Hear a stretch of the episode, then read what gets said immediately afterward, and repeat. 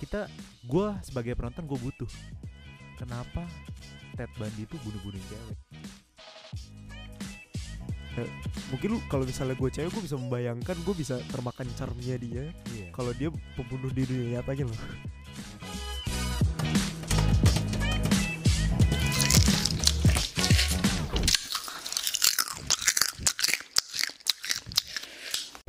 Hai guys, kembali lagi bersama gue Kevin dan Ivan di kenyang popcorn kayak kita harus bikin catchphrase baru nih Iya. biar lebih menarik. ya mungkin Sahabat popcorn. sahabat popcorn sahabat popcorn micin Oke, jadi hari ini kita bahas apa, Van? Eh, kita bakal oke ini pertama kalinya kita ngebahas film yang bukan dari bioskop ya Yo, jadi kita nonton film ini di web streaming yang berbayar bukan bajakan sebut merek apa sebut merek Wah. biar di sponsor abis ini kan. buset ya jadi kita nonton film extremely weak apa baca gimana sih Extremely Wicked, Shockingly Evil, and, And Vile. Iya. Vile. Ya, maaf ya Inggris gue jelek. Sebenarnya bahkan eh, film ini nggak ada di Netflix Indonesia loh. Benar, benar. Ya jadi kita harus Iya. ya colong-colong sedikit lah ya. Menggunakan berbagai macam cara yaitu Iya. VPN untuk bisa mengakses ini kan. Ya mohon maaf ya. Iya. Tapi sangat disarankan juga sih guys kalau misalnya pakai VPN tuh nggak masalah. Yang penting Netflixnya jangan bajakan. Iya, ntar Netflix lima ribuan, ya, itu dia. Netflix dua belas ribu, kan ngeselin gitu. Stop piracy. Stop piracy. Iya. Tapi gitu. padahal Iya. kita juga nonton NDXX sih. Eh, jangan gitu dong. Jangan- Oke, jangan buka-buka. hook. oke balik ya. Jadi eh, film ini menceritakan soal pembunuh serial yang sangat bengis kata orang. Wih, bengis tapi charming. Nah, ya, kan? Iya. namanya Ted Bundy. Oke. Dia itu eh, kurang lebih semasa hidupnya membunuh secara tragis 30-an wanita. Hmm. Itu Wa- gua belum nonton sih eh, dokumenter-dokumenternya. Eh, lu Hmm. nonton gak sih kan? Gue nonton, gue nonton. Jadi Empat empat empatnya.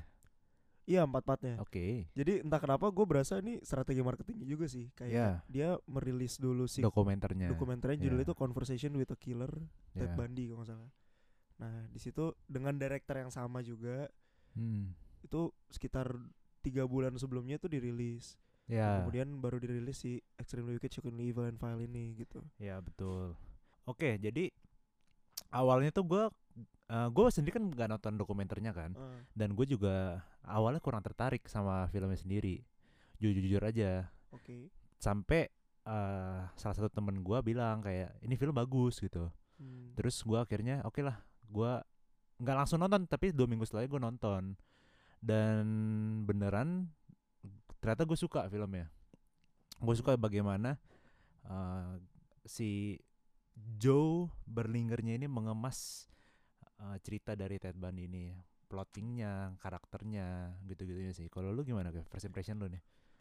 Kalau gue first impression Ya lu tau lah ini tipe film gue gitu kan Thriller tadi Thriller, Gue thriller. pikir bakal thriller gitu Oh, lu kan. pikir bakal gue trailer? pikir bakal thriller banget dan ternyata pas gue nonton loh kok ini terlalu menitik beratkan di love story-nya si Ted dengan si, Si- Lisa ya Liz. Liz sorry Ya, Liz. Liznya itu dan itu juga yang emang menjadi kontroversial diomongin di luar sana gitu loh kenapa ya pokoknya nanti lah kita bahas di akhir gitu kayak Iya. kontroversi apa yang emang terjadi dan eh, first impression gue lebih ke wow ini pengemasannya oke banget Hmm, dan gue suka banget cara mereka marketing dari segi mengeluarkan dokumenternya dulu ya. karena di situ gue melihat bahwa oh gue harus nonton dulu nih gue harus tahu dulu nih Ted Bundy tuh kayak gimana sih gitu baru abis itu gue nonton film si Extremely Wickednya Hmm. gitu dan turns out banyak dialognya sama persis banget dan banyak yang kayak scene-scene yang bener-bener ngikutin Kejadian nyatanya. kejadian nyatanya Ya, gitu ya. dan itu oke banget sih Ya gua- beberapa scene aslinya ditunjukin di post credit ya. ya di post credit ya Iya iya iya. Kalau gua ya karena gua nggak menonton dokumenternya jadi kayak gua gua tahu maksudnya Ted Bundy ini beneran membunuh. Hmm. Cuma yang gua seneng adalah dari film ini gimana so gua jadi berempati dengan eh, si Ted Bundy yang diperankan oleh Zac Efron. Hmm. Padahal dia ini pembunuh yang bengis banget. Gua mungkin bahas sedikit soal apa sih itu protagonis di sini kan eh Zac Efron sebagai Ted Bundy jadi protagonisnya. Mungkin eh, di luar sana banyak yang mikir protagonis itu adalah tokoh utama tokoh utama yang baik Hmm. gitu kan tokoh utama yang hero sementara kalau kita lihat dari film ini itu enggak gimana tokoh utama kita ini adalah si penjahat nah kalau yang gua diajarin sih di kampus gua itu tokoh utama atau protagonis itu adalah yang bisa memberikan empati kepada penonton Hmm, I see. Ya dan nggak menutup kemungkinan juga di satu film itu ada lebih dari satu protagonis. Hmm. Kalau menurut gue ya, yang udah nonton filmnya pasti merasa ini sebenarnya mau dilihat dari sisi siapa sih soalnya ini bolak-balik bolak-balik antara si Ted dan Liz. Liz. Dari gua jadi gua ra- gua rasa sih ini eh dua protagonisnya si Ted dan Liz Hmm. gitu.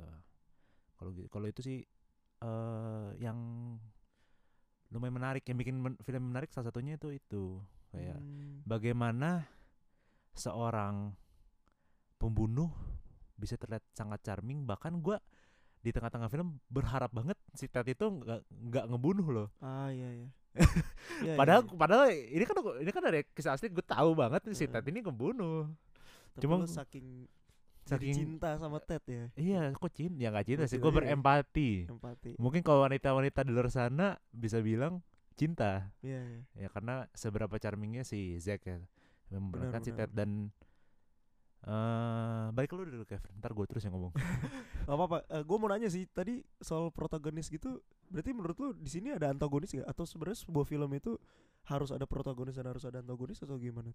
antagonis itu bisa begini karakter versus karakter itu sendiri Oke. jadi begitu Kev jadi nggak mesti dia melawan eh orang lain tapi bisa juga Oh. melawan dirinya sendiri Berarti satu karakter bisa memegang peran protagonis dan antagonis itu sendiri. gitu. iya Oke. gimana dia per- perang lawan batinnya itu semacam plot yang namanya minimalis plot gitu kalau Minimal spot. menurut buku eh, referensi gua lah Hmm.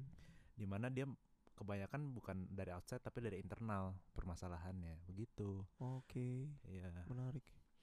gue sendiri juga merasa eh di sini si kita lihat karakter dari Liz ya dari Liz ya sepanjang film ini dia punya goal satu dan kita baru tahu goalnya itu di terakhir Hmm, mungkin karena gue baru nontonnya kemarin banget ya Nggak tahu, kalau Kevin mungkin udah agak lama ya lumayan. si Liz ini ternyata yang melaporkan Ted ke polisi Mhm. jadi dia bertanya-tanya, ini bener nggak ya si Ted ini ngebunuh? Soalnya dia takut eh, dia yang menyebabkan semuanya ini. Jadi bisa dilihat pembukanya adalah di Ted ketemu Liz di penjara kan ya, Iya. ya kan? Hmm. Dan diakhiri di penjara juga. Benar juga. Jadi kayak sebenarnya eh, film ini goalsnya satu untuk ngasih tahu Ted ini salah apa enggak Hmm. itu jadi kita ditetapkan oleh si director ini di point of view itu sebagai penonton bukan dari point of view Ted atau bu- dari point of view Liz itu menurut gue ya gitu Ya ya ya ya. nah, bingung nih mau ngomong apa Kevin Sejujurnya gue tuh sangat gue gue seneng banget gitu pas habis nonton film ini karena ya Kenapa ya? Apa apa mungkin sebenarnya gue ada jiwa-jiwa psikopat atau gimana? ya? Mhm. Gak tau juga ya. Mhm. Soalnya- tapi pernah gue sampai gue sampai waktu itu ngobrolin soal film ini ke teman gue, gue bilang "Ah, teman setiap penonton loh ah itu gue nonton bareng. oke Eh, oke Seperti biasa kan. seperti biasa Tapi besok gue kayak sempat ada diskusi juga sama teman gue, gue bilang "Ah, ternyata Ted Bundy kayak gini karena sama yang kayak tadi lo bilang gitu. Nih film berhasil membawa penontonnya itu untuk meng- berempati dengan Ted gitu kan. ya Dan itu gue berasa bahwa atau jangan-jangan sebenarnya it's a normal thing gitu. hmm. lu untuk menjadi seperti itu gitu karena lu saking empatinya loh sama karakter itu ya itu juga yang makanya gue sangkutin ke kontroversial yang ada gitu di mana orang-orang itu kalau nggak salah waktu itu sempat ada petition atau apa gitu oh ya Yang- sampai ada petisi juga seinget gue ya pokoknya sampai Zac Efron sendiri juga ngeluarin statement gue lupa di Twitter atau di apa tentang film ini gitu kayak di mana orang-orang tuh mikir bahwa gini loh gue juga mengerti sih kayak orang-orang pasti mikirnya ini film tentang serial killer ya dimana orang pasti mikirnya berharapnya itu bahwa film ini menceritakan kebengisan mengantagonisan si iya si serial, Serial killernya itu sendiri hmm. sedangkan kenapa kita pas nonton experience yang kita dapatkan adalah kita menjadi empati dan belas kasihan kepada si serial killer ini gitu Iya.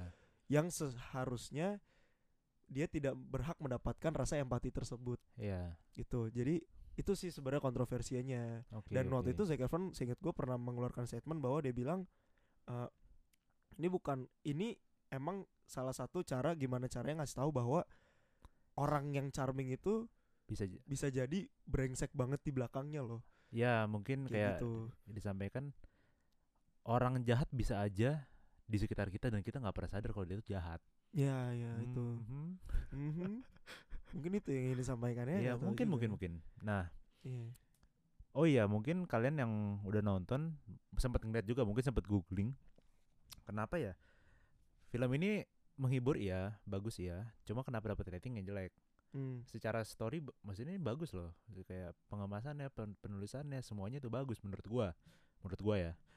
Tapi bisa mendapatkan rating eh, yang cukup jelek 56% dari lo- Rotten Tomatoes. Terus gua mulai baca dong, gua penasaran Hmm. apakah ini mereka ngomongin storynya mereka ngomongin apanya ternyata bener rata-rata itu semua keberatan karena eh, menitik beratkan di charmingnya si Ted yang kayak udah lu bilang tadi Iya. Kev. cuma gue melihat di sini eh, justru gue pengen give applause ke direkturnya Joe Berlingernya Hmm. Eh, bagaimana dia bisa mengarahkan penonton direct Ya. mendirect gitu director Direct. kan mendirect penonton ke point of view yang dia pengen gitu Iya. bahkan bukan cuma ngedirect pemain dan kru berarti ya Iya, ngedirect Ngedirect audience penonton. gitu dan itu menurut gua salah satu eh, skill yang diperlukan oleh director. Hmm. Jadi gua pernah satu punya pengalaman diajar sama mungkin kalian tahu atau nggak tahu gua nggak tahu lah sama Slamet Raharjo. oke Dia bilangin di kelas.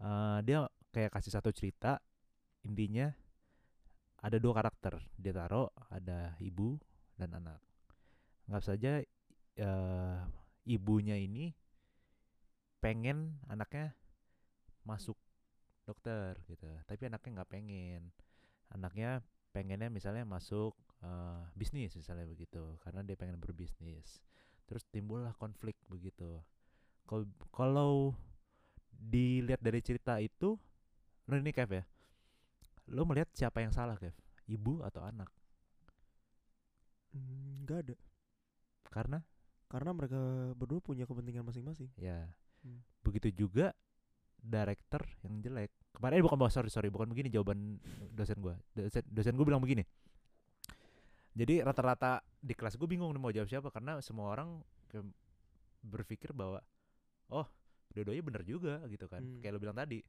terus se- eh, dosen gue bilang gini yang salah adalah direkturnya anggap Oke. saja ini film gitu kan cerita film karena director ini nggak nge-state ini dari point of view siapa Hmm, nah itu maka tugas penting seorang director untuk mendirect audiensnya juga mau ngelihat ke arah mana gitu hmm, ya, ya, ya, ya. dan itu menurut gue sangat dilakukan dengan baik sama Joe wih kayak kenal ya Jo.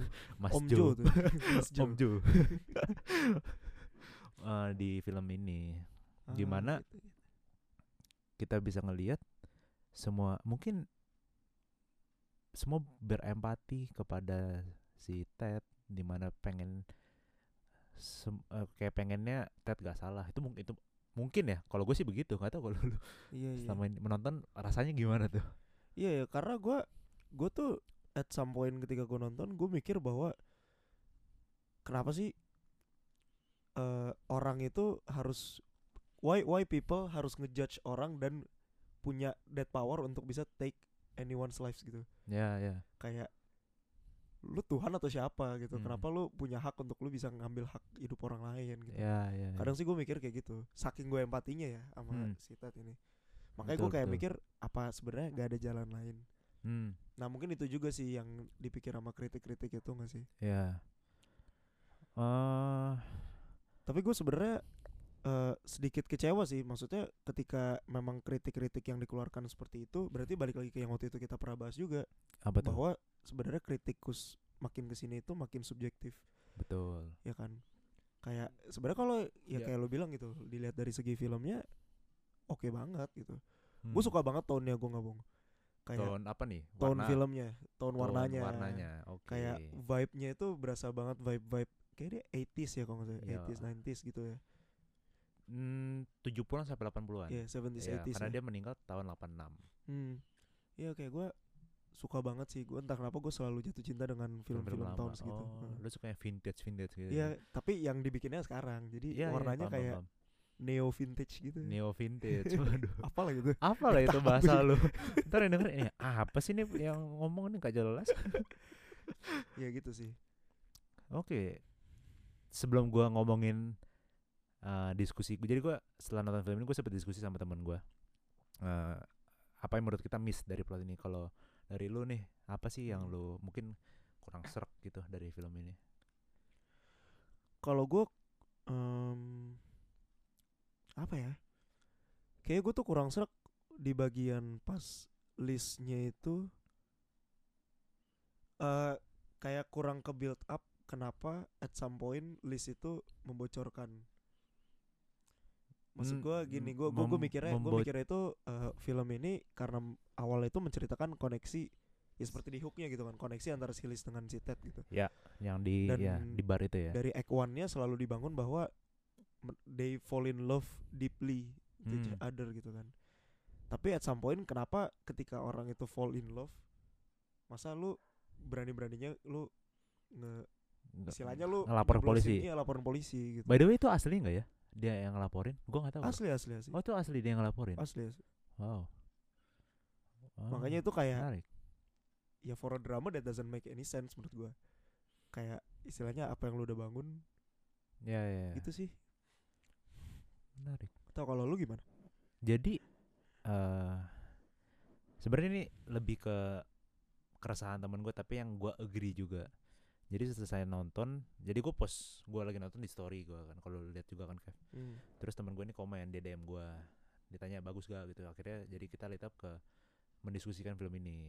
Hmm. kita berdua sama sama-sama suka eh, plotnya kita suka filmnya terus dia sangat appreciate actingnya Zac Efron kalau kita tahu Zac Efron nggak pernah atau belum pernah ya dapat role yang serius gitu Iya iya iya. dan sempet si Zac Efron menyesali dia memulai karirnya dari HSM Hmm, Ya, itu agak ASM. sedikit story tentang Zac Efron dan yang kita yang dia sadarin dan karena dia bilang itu gue jadi sadar juga alasan kita gua sebagai penonton gue butuh kenapa Ted Bundy itu bunuh-bunuhin cewek Ah. secara tragis itu karena itu yang menjadi plot hole di film ini setiap dicabut bunuhin cewek setiap dicabut bunuhin cewek jadi Hmm.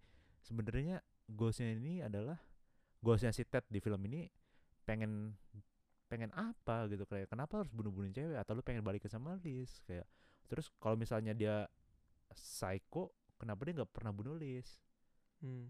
yang gitu gitulah kayak plot Ini- hole di situ ya. menimbulkan pertanyaan-pertanyaan gitu Hmm. gitu sih gak tahu mungkin Iya, di iya. dokumenter ada penjelasannya yang gua nggak tahu Kev ada penjelasannya nggak Tapi sebenarnya itu feeling yang gue rasakan ketika gue nonton dokumenternya juga, di mana dokumenter itu kan 4 episode. ya Gue sangat menanti-nanti episode terakhirnya. Ini sebenarnya kenapa gitu? Tapi emang semasa hidupnya tetet gak pernah ngaku kalau misalnya, maksudnya dia dia ngaku di menit-menit terakhirnya dia ingin dimasukin ke electric chair. Dia baru Mhm. ngaku akhirnya, ya bener gue bunuh segala macem. Tapi sepanjang hidupnya dia itu dia nggak pernah ngasih tau loh kayak gue ngelakuin ini karena ini gitu. iya dan kita juga nggak bisa tahu backstorynya hidupnya si Ted gi- gimana Dia- kita cuma tahu dia low student Nah, cuman yang gua tangkep eh, nggak tahu ya dulu gua sempet sedikit tertarik dengan yang namanya psycho penyakit penyakit psycho dan stuff itu. ya psikologi lah Ya itulah pokoknya ya ketika orang memiliki penyakit itu eh, yang kalau da- gue lihat dari Ted ya Ted itu sepertinya ingin apa ya acknowledgement gitu loh.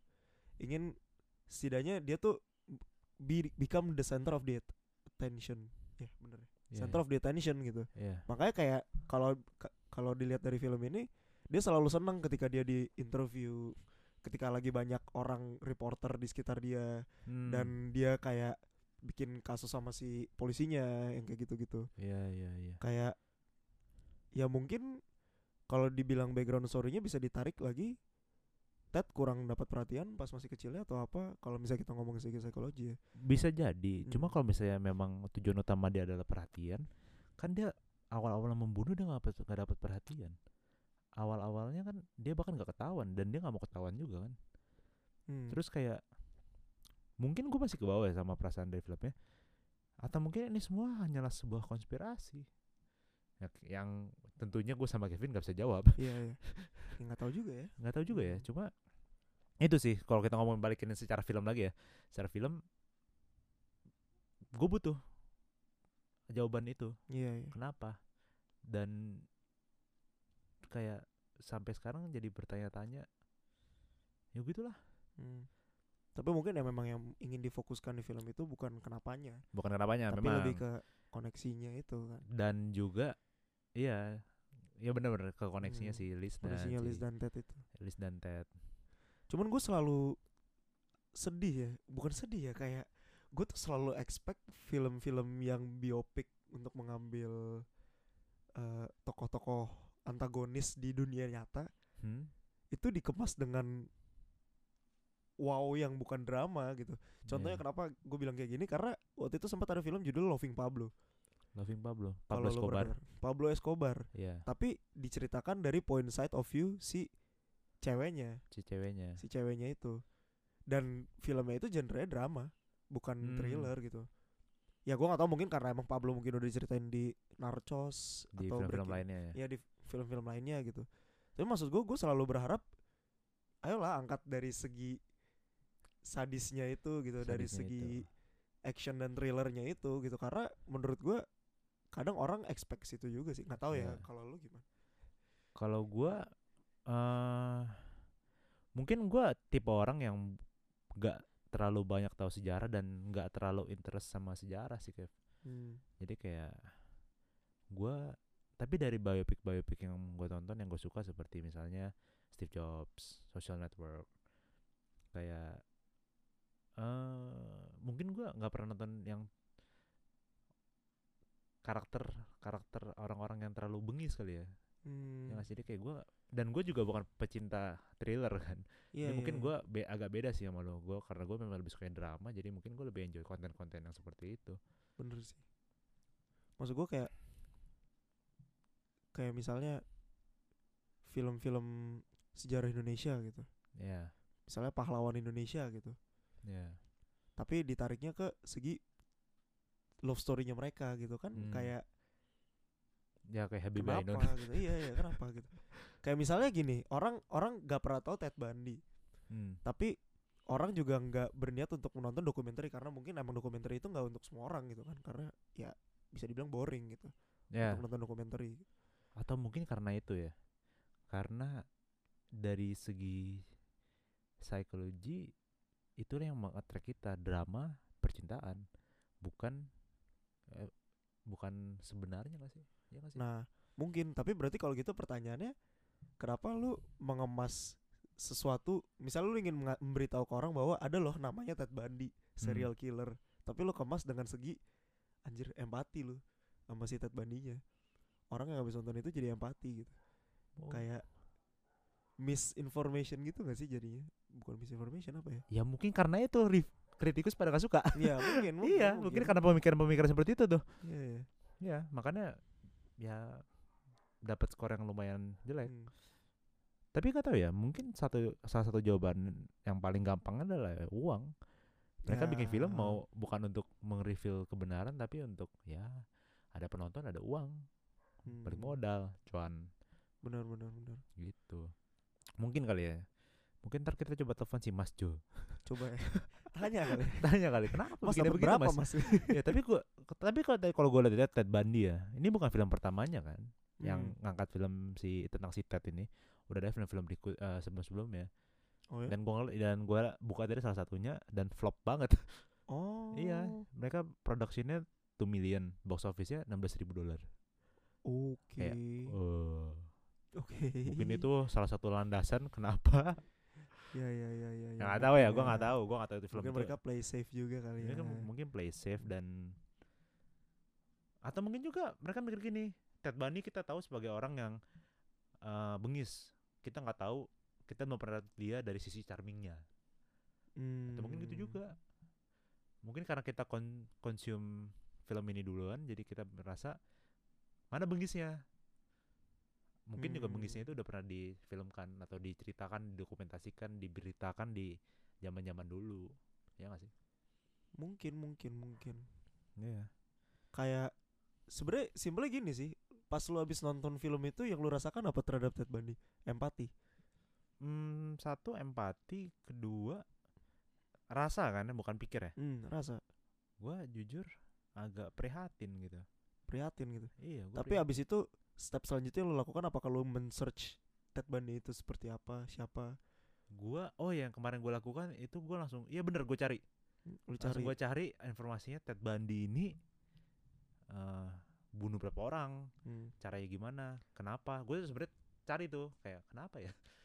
nah kayak- terus abis itu lu kayak bertanya-tanya nggak? kayak maksudnya lu jadi memiliki perspektif orang yang membunuh sebanyak itu it's okay maksudnya it's normal Enggak lah. atau- Enggak, Iya. gua gua gua nggak pernah punya pemikiran seperti itu. Tapi lebih Ya itu sih Kev kayak gua nggak gua nggak membenarkan tingkah laku dia walaupun gue berempati sama dia ya. Gua nggak membenarkan tingkah laku pembunuhan itu, tapi yang gua itu sih kayak gue pengen tahu gue pengen tahu kenapa biar Hmm. satu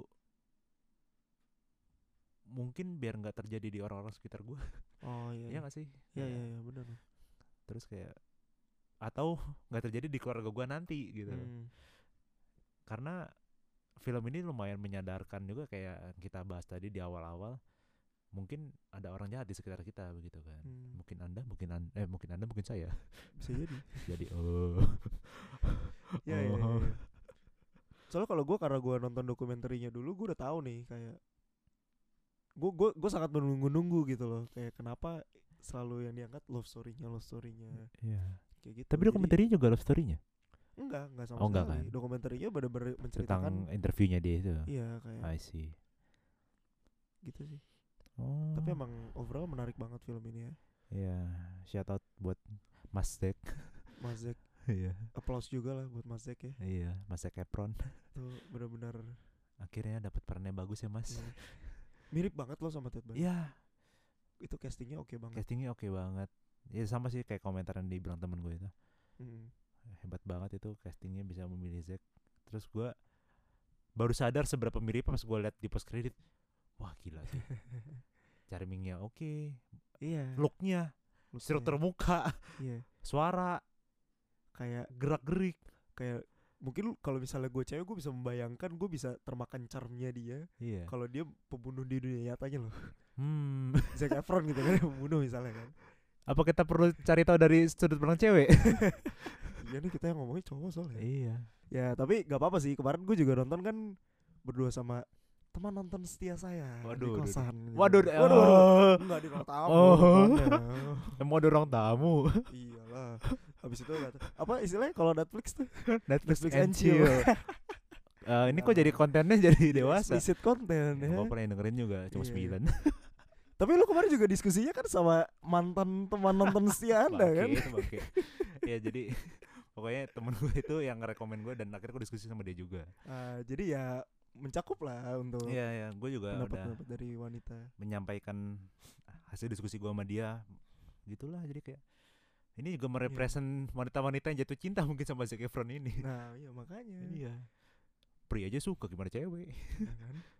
aduh Hmm, mempertanyakan gender. tentang gender balik ke aku cumbu tubuh indahku Dengar ya guys episode sebelumnya. episode berapa tuh dua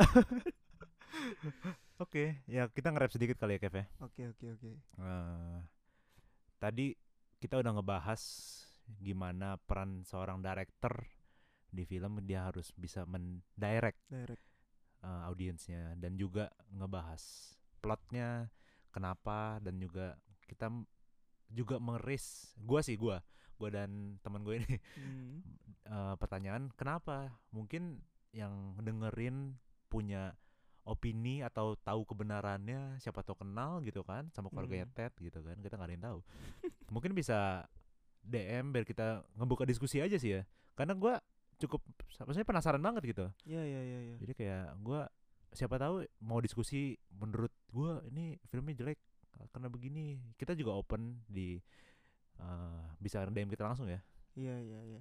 Bisa lah nge-reach kita untuk nanya-nanya juga. Iya atau nanya kayak- juga mungkin boleh juga request gitu ya kak Bikin podcast bareng gitu. bikin podcast bareng atau bikin podcast film ini dong ya gitu-gitu Iya iya iya. Dan balik lagi sedikit ke Ted sih eh, jujur gue mungkin se- se- termasuk orang yang sedikit makanya tadi kayak tadi gue bilang kayak apa gue ada ketertarikan ke psikopat psikopat itu iya gue karena sedikit mempertanyakan gitu apakah sebenarnya eh, psikopat ini harus diterit seperti itu gitu jadi mungkin kalau lu sendiri lu tadi bilang eh, lu itu sedikit apa Apa namanya tuh?